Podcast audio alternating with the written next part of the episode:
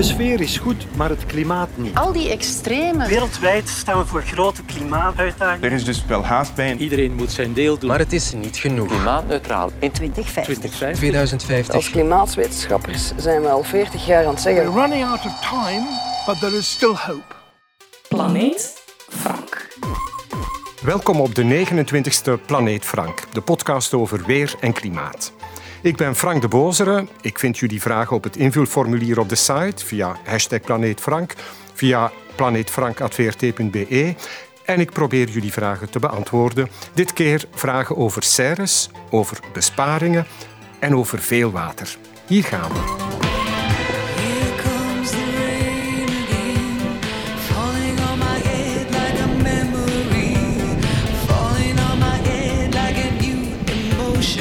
Hey, dag Frank. Het is Nicky Verlinde uit Hemixem hier. Kan jij mij uitleggen waarom het water bij regen niet allemaal ineens uit de wolk valt? Een tijdje geleden reed ik terug van Frankrijk naar België. Het regende bij de start in Frankrijk en de wolk schoof als het ware enkele honderden kilometers met ons mee. Het water bleef gewoon komen. Maar van waar dan? Een wolk die tankt toch niet bij onderweg? Om die vraag te beantwoorden moeten we eerst even in de meteorologische keuken kijken. Een speciale aflevering vandaag van Dagelijkse Kost, Dagelijkse Weerkost. Vandaag maken we regen. Dat lijkt makkelijk, maar we hebben toch wel wat ingrediënten nodig en de juiste atmosfeer is ook heel belangrijk. Oké, we beginnen met lucht. Geen gewone lucht, nee, maar uh, vochtige lucht. Die lucht moet zelfs 100% vochtig zijn. Het zit namelijk zo, in lucht van een bepaalde temperatuur kan een zekere hoeveelheid waterdamp zitten. Hoe lager de luchttemperatuur, hoe minder waterdamp zich als gas in die lucht kan bevinden. En dus gaan we de lucht zodanig afkoelen dat het te veel aan waterdamp condenseert tot hele fijne druppeltjes, de wolkendruppeltjes. Jawel, een wolk bestaat dus gewoon uit zwevende wolkendruppeltjes. Hoeveel wolkendruppeltjes, hoor ik je vragen? Veel, heel veel, ontzettend veel. In een typische wolk vinden we per kubieke meter lucht al gauw meer dan 1 miljard wolkendruppeltjes. Jawel, in de wolkenkeuken werken we graag met grote getallen. Maar opgelet, een wolk is geen garantie op regen. Om het te laten regenen in onze keuken heb je wat natuur en scheikunde nodig. Eén regenproces laat zich makkelijk beschrijven. We laten de wolkendruppeltjes wat samenklitten tot grotere druppels. Die beginnen dan onder invloed van de zwaartekracht naar beneden te vallen, sleuren in hun val andere wolkendruppeltjes mee en zo ontstaat een regendruppel. Dat is het coalescentieproces. tot zover het keukenrecept voor regen. We moeten in de natuur dus op zoek naar plekken waar vochtige lucht kan afkoelen. Ik geef drie voorbeelden. Op een zwoele, zweterige zomerdag stijgt de warme, minder zware lucht snel op. Hoog in de atmosfeer is het veel kouder, dus het teveel aan waterdamp condenseert en daar verschijnt de cumulonimbus, de donderwolk, de koning van de wolken. Maak je klaar voor een pittig regenhoofdgerecht. Een tweede voorbeeld. Bij een strakke westcirculatie moet de vochtige oceaanlucht over de Ardennen, omhoog dus. Meteen begrijp je waarom in de Ardennen gemiddeld gesproken er meer wolken hangen dan elders en waarom het er vaker en meer regent dan in Vlaanderen. Het laatste voorbeeld kan je zeker van de weerkaarten. Sabine Bram en ik goochelen daar met rode, blauwe en paarse lijnen, de zogenaamde fronten.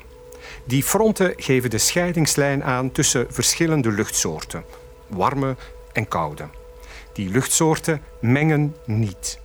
Je zou kunnen verwachten dat er een geleidelijke afkoeling plaatsgrijpt, maar, maar dat is dus niet het geval. Vooral tussen de 50ste en de 60ste breedtegraad wordt voortdurend gevochten, gebakkeleid tussen warme en koude lucht. De overgang tussen die twee luchtsoorten noemen we dus een front. En op de scheidingslijn tussen die twee luchtsoorten, tussen twee fronten, zijn er dus ook in de hoogte grote temperatuurschommelingen.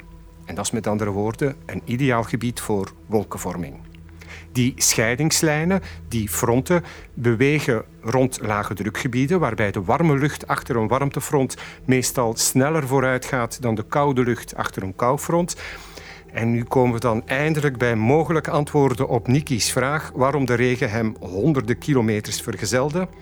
Eerste mogelijkheid, hij reed al die tijd op de scheidingslijn tussen warme en koude lucht. De fronten schuiven op en Nicky ook. Mogelijkheid 2, het onweerscomplex volgde hem. Enfin, waarschijnlijk andersom dus. En waar komt al dat water dan vandaan? Wel, zeker op onze breedteligging zorgt de zee voor een constante aanvoer van vochtigheid. En met de klimaatverandering is de lucht nu warmer, ze kan dus meer vocht bevatten en dus kan het nog wat harder gaan regenen. Bijzondere omstandigheden vragen om bijzondere maatregelen. Noodzakelijk, maar bevreemdend. De stad bruist normaal gezien en nu is er bijna niemand. Sinds 12 uur vanmiddag is alles wat niet echt noodzakelijk is verboden, dicht of afgelast. Hallo Frank, ik ben Aiden en ik heb een vraag voor u. Moesten we één maand per jaar een lockdown doen? Zou dit geen oplossing zijn voor het klimaat? Ik denk niet alleen voor het klimaat, maar ook voor de mens. In stilstaan bij alles. Dag Eden, dat is een moeilijke vraag en ik ben maar een eenvoudige weerman. Oké, ik probeer hier een zo eerlijk mogelijk persoonlijk antwoord op te geven. Wellicht zijn er andere invalshoeken mogelijk. Eens stilstaan bij alles kan natuurlijk nooit kwaad. Heel af en toe gaat mijn gsm uit, maak ik een lange wandeling of een fietstocht, sta ik stil bij het leven. Dat is mijn manier om al de drukte wat te onderdrukken. Maar een lockdown geldt niet alleen voor mij, maar voor heel de maatschappij. En dan liggen de kaarten toch wel anders. Voor veel mensen was de lockdown een moeilijke periode. Als sociaal wezen hebben we allemaal nood aan contact, interactie, huidhonger. Een lockdown zet ons vast op een geïsoleerd eiland. Enfin, het eiland is natuurlijk niet afgesneden van de buitenwereld. We konden digitaal vergaderen, ontdekten dat we soms onnodige verplaatsingen deden. Maar zeker na verloop van tijd begon het voor veel mensen toch allemaal wel zwaar te wegen. En dan was er natuurlijk ook een immense economische kost. Oké, veel mensen ontdekten de voordelen van thuiswerk, maar voor veel bedrijven en bedrijfjes betekende de lockdown toch een heel zware financiële aderlating. Zelf had ik gedacht dat we na de lockdown toch op een wat andere manier zouden omgaan met bijvoorbeeld onze mobiliteit. Maar dat blijkt dus niet zo te zijn. Integendeel, de files lijken nu langer dan voor de pandemie. We zijn blijkbaar hervallen in al onze oude gewoonten. Natuurlijk, België is de wereld niet. Laten we eens kijken naar de wereldwijde CO2-uitstoot. In april 2020 zorgden de wereldwijde lockdowns voor 17% minder CO2-uitstoot wereldwijd. Later dat jaar kwam alles geleidelijk weer op gang. En jawel hoor, op dit ogenblik is de wereld alweer op recordkoers met meer CO2-uitstoot dan ooit tevoren.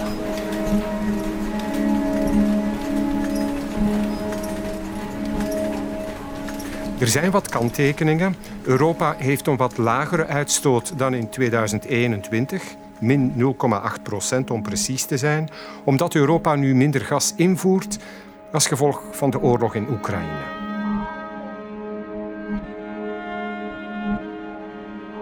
In China zijn er nog altijd veelvuldige lockdowns die de economie doen vertragen. In China een daling van 0,9 procent. Maar daartegenover staan de Verenigde Staten met een stijging van 1,5 procent, India met 6 procent en de rest van de wereld met 1,7 procent.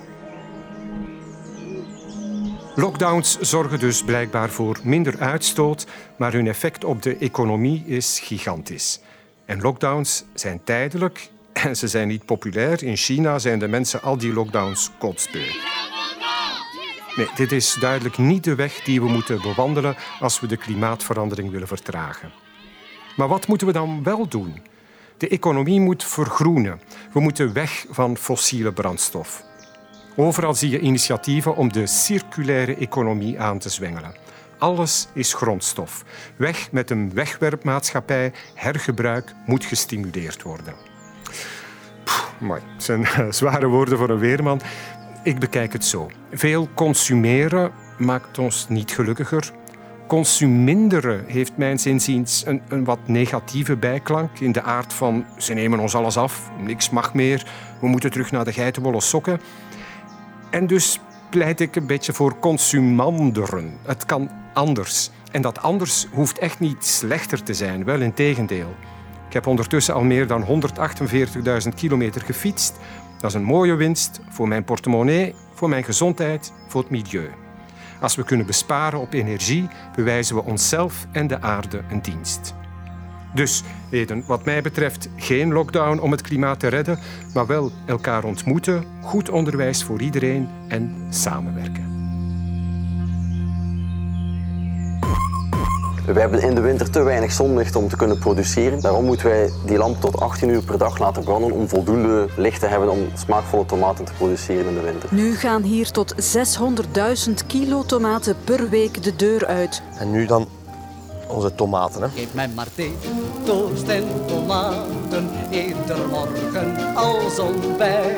Dag Frank, met Patrick Joris uit Mol. Ik heb een prangende vraag aangaande het gebruik en verbruik van CO2. In de serreteelt, tomaten, paprika's, aardbeien, worden gigantische hoeveelheden, zelfs tonnen CO2 gebruikt om de plantengroei te bevorderen. Daar wordt met geen woord ergens over gerept. Hoe lang blijft dat nog ecologisch verantwoord, alstublieft? Dat is een vraag voor Tessa Avermaten, bio-ingenieur, onderzoeker en projectmanager aan de KU Leuven met als expertise domeinen landbouw, voeding en duurzaamheid. Ja, Tessa, zijn uh, tomaten bijvoorbeeld uit een verwarmde serre, zijn die dan niet goed voor het milieu, voor het klimaat? Wel, uh, daar moeten we inderdaad, die kunnen we eens onder de loep gaan nemen, want ja, mensen denken, ja, die komen uit een verwarmde serre. We zouden die toch beter uit Spanje misschien gaan importeren, mm -hmm. waar die serre helemaal niet verwarmd moet worden. Wel, het is zo dat de tomaat die wij in Vlaanderen telen, dat is de tomaat die we zo ook gaan opeten op ons bord. Dat is een, een mooie tomaat, dat is een ronde tomaat, dat is een rode tomaat met heel veel kwaliteit. Dat is al het eerste dat u daarover moet weten en we zijn daar ook heel goed in. Wij exporteren die tomaat. Um, wij zijn de vierde grote exporteur in Europa, mm. na landen als Spanje, Nederland en Frankrijk. Maar wij staan zelfs in de top 10 van exporterende landen voor die verse tomaat op wereldvlak. Dus we zijn daar echt wel heel goed in, maar ons systeem gebruikt inderdaad heel wat energie. Die tuinder weet dat ook, dat dat heel wat energie uh, gebruikt en dat dat dus ook voor hem heel wat uh, geld kost. Dus die is eigenlijk al sinds de jaren negentig gaan zoeken naar manieren om dat efficiënter te gaan doen. En hoe heeft hij dat onder meer gedaan? Wel, die is gaan investeren in een warmtekrachtkoppeling. Ja. En daarmee wekt hij eigenlijk zelf warmte en elektriciteit op, zodanig dat zijn factuur een stuk lager is en dat het ook een stuk duurzamer wordt. Daarnaast is die ook de laatste decennia gaan investeren in isolerende energieschermen. Opnieuw, het maakt het duurzamer en um, het maakt het ook ja, economisch beter voor hem. Um, zijn factuur, zijn energiefactuur wordt daarmee een stukje lager. Uh, Tessa, is het dan zo dat uh, bij Ceres dat we volledig werken met, met groene energie? Of uh, hoe moeten we dat juist zien? Ja, was het maar waar. Nee, ik sprak daar juist over die warmtekrachtkoppeling die heel belangrijk is, die eigenlijk common goed is voor onze tuinders in Vlaanderen. Maar die warmtekrachtkoppeling die werkt voornamelijk op ehm, fossiele brandstoffen. Ja. Het is nog een hele weg die we moeten gaan afleggen om te zorgen dat die warmtekrachtkoppeling niet op fossiele brandstoffen werkt, maar dat ook die op groene energie zal werken. Nu, de Vlaamse overheid, in het kader van de klimaat- en energieplannen van de Vlaamse overheid, wordt daar wel degelijk in geïnvesteerd. En net zoals we tussen de jaren 90 en 2010 heel er stappen vooruit hebben gezet, mag je ook wel verwachten dat we van nu tot 2030, waar onze grote target ligt eigenlijk als het gaat over een daling van de broeikasgasuitstoot, dat we ook daar heel wat stappen vooruit gaan zetten om te zorgen dat die warmtekrachtkoppeling gaat werken op groene energie en niet meer op fossiele brandstoffen. Mm -hmm. Maar we moeten daar eerlijk in zijn. Um, de uitstoot, de broeikasgasuitstoot van de tomaat die wij hier uit die serre halen, uit die hoogtechnologische serre, die is een stuk hoger dan de broeikasgasuitstoot van de tuinder die dat doet in Spanje bijvoorbeeld. Um, daar worden heel wat uh, tomaten ook geteeld in Spanje. Spanje is de grootste exporteur van tomaten in Europa. En die hoeft daarvoor zijn serre niet te verwarmen. Mm -hmm. Als u gaat naar het zuiden van Spanje, dan wordt dat gedaan in folietunnels. Dat zijn, als, als u al eens naar Alicante bent gevlogen ja. of naar Almeria bent gevlogen, dan ziet u misschien die hele hoop plastic als u naar beneden kijkt. Dat is behoorlijk impressionant. Wel, dat zijn allemaal folietunnels. Um, waaronder men uh, paprika's teelt, maar ook heel veel tomaten. Mm -hmm. Nu, die folietunnels, um, het ziet er allemaal heel aantrekkelijk uit natuurlijk, want die moeten niet verwarmd worden. Die hebben de zon zo, die hebben de warmte uh, om die tomaten te telen.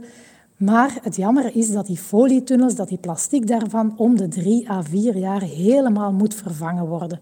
Dus dat is een aspect van duurzaamheid waar wij in Vlaanderen niet mee geconfronteerd worden. Ja, ik dacht dat uh, ja, in, in Spanje dat ze daar ook meer waterproblemen hebben dan, dan wij. Dat dat er ook nog eens bij komt. Dat klopt inderdaad. In het zuiden van Spanje ja, daar heeft men een groot waterprobleem. Het is daar warm in de zomer. Mm Men moet dat water vanuit het binnenland eigenlijk laten halen om de tomaten te irrigeren. Niet alleen om de tomaten te irrigeren, maar voor al die Zuiderse producten eigenlijk. Daar kruipt behoorlijk wat water in. Dat probleem hebben wij stilletjes aan ook wel in Vlaanderen, maar toch een heel pak minder. Er zijn nog een aantal aspecten van duurzaamheid die we niet zo in die CO2-afdruk uh, eh, omvatten. En dat is uh, bijvoorbeeld erosie. In een serre natuurlijk, dat is anders dan buiten, heb je geen last van erosie. Een ander aspect, er zijn er heel wat, zijn het efficiënt gebruiken van meststoffen en gewasbeschermingsmiddelen. Want in zo'n hoogtechnologische serre kan je heel specifiek gaan meten hoeveel voedsel bijvoorbeeld dat die tomatenplant nodig heeft. Hoeveel gewasbeschermingsmiddelen dat die plant nodig heeft om niet ziek te worden, zodanig dat die tomaat heel mooi rond is, dat die eigenlijk echt tomaat is die wij als consument graag op ons bord zien liggen. Dus dat zijn zaken die eigenlijk allemaal mee bijdragen tot ja, de, uh, de aantrekkelijkheid, maar ook de milieu-impact van, uh, van een tomaat. Dus dat zijn heel veel aspecten waar wij als consument, als burger vaak geen zicht op hebben. En het is ook als consument heel moeilijk om dan die totale afweging te gaan maken van goh, moet ik nu een tomaat eten uit Vlaanderen of moet ik ze nu uit Spanje eten of moet ik ze nu uit Marokko gaan halen misschien? Want als de tomaten uit Spanje komen, dan moeten die natuurlijk ook vervoerd worden tot in Vlaanderen. En dat is ook weer al een, een relatieve extra kost en, en milieubelasting. Wel, inderdaad, over het transport van voeding, daar wordt ook heel wat over gezegd en geschreven. Nu, ik kan u geruststellen, als het gaat over voeding, dan hoeft u met dat transport eigenlijk niet zo heel veel rekening te gaan houden. Dat klinkt heel contradictorisch, weet ik, want er wordt heel vaak gepleit het moet lokaal zijn. Wel, er zijn veel redenen voor lokaal voedsel te consumeren, maar als het gaat over CO2-impact, dan is dat toch heel beperkt. Een tomaat bijvoorbeeld uit Spanje, die komt met de boot naar uh, Vlaanderen. Tomaten worden ook heel vaak over de weg met de vrachtwagens getransporteerd. Een tomaat zal nooit in een vliegtuig liggen. En die impact van transport van voeding die is eigenlijk heel gering als je het vergelijkt met het hele productieproces van een tomaat. En dat geldt niet alleen voor de tomaat, dat geldt ook voor appelen, dat geldt voor peren, dat geldt eigenlijk voor voeding in het algemeen. Ja, dus uh, beter tomaten eten dan, dan, dan vlees bijvoorbeeld. Wel, vlees heeft inderdaad, zelfs als, het, uh, als we onze tomaat nu gaan vergelijken, die, die in de serre wordt geteeld, hoogtechnologisch, heel wat energie, die voetafdruk, die CO2-uitstoot, maar ook heel wat andere milieufactoren, die zijn nog altijd een heel pak gunstiger dan dat we een portie vlees zouden consumeren. En ik wil dat ook eventjes in perspectief plaatsen, want hoeveel tomaten eten wij nu eigenlijk en hoeveel vlees eten we nu eigenlijk? Wel, daar bestaan statistieken rond en in Vlaanderen eten wij heel graag tomaten. Het is de meest populaire groente van, van Vlaanderen. En daarmee zeggen we al meteen eigenlijk iets verkeerd, want tomaten zijn officieel geclasseerd als fruit en niet als groente. Maar ze zijn het meest populair.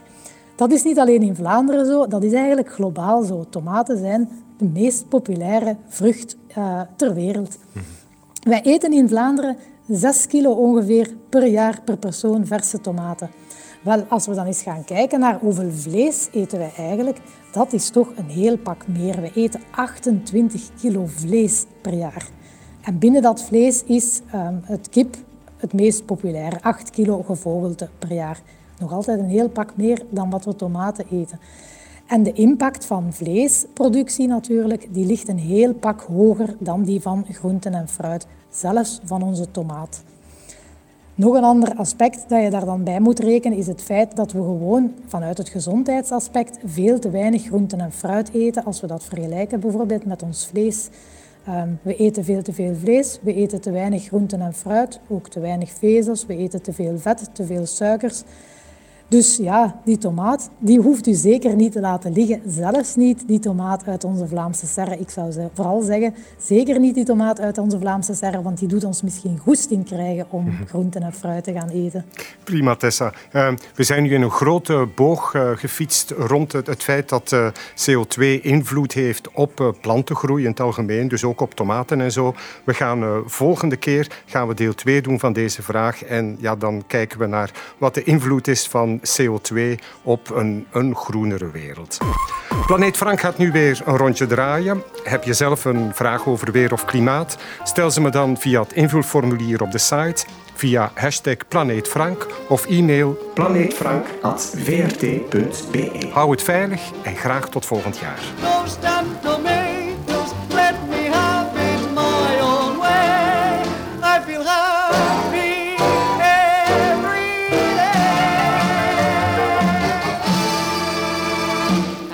All, folks.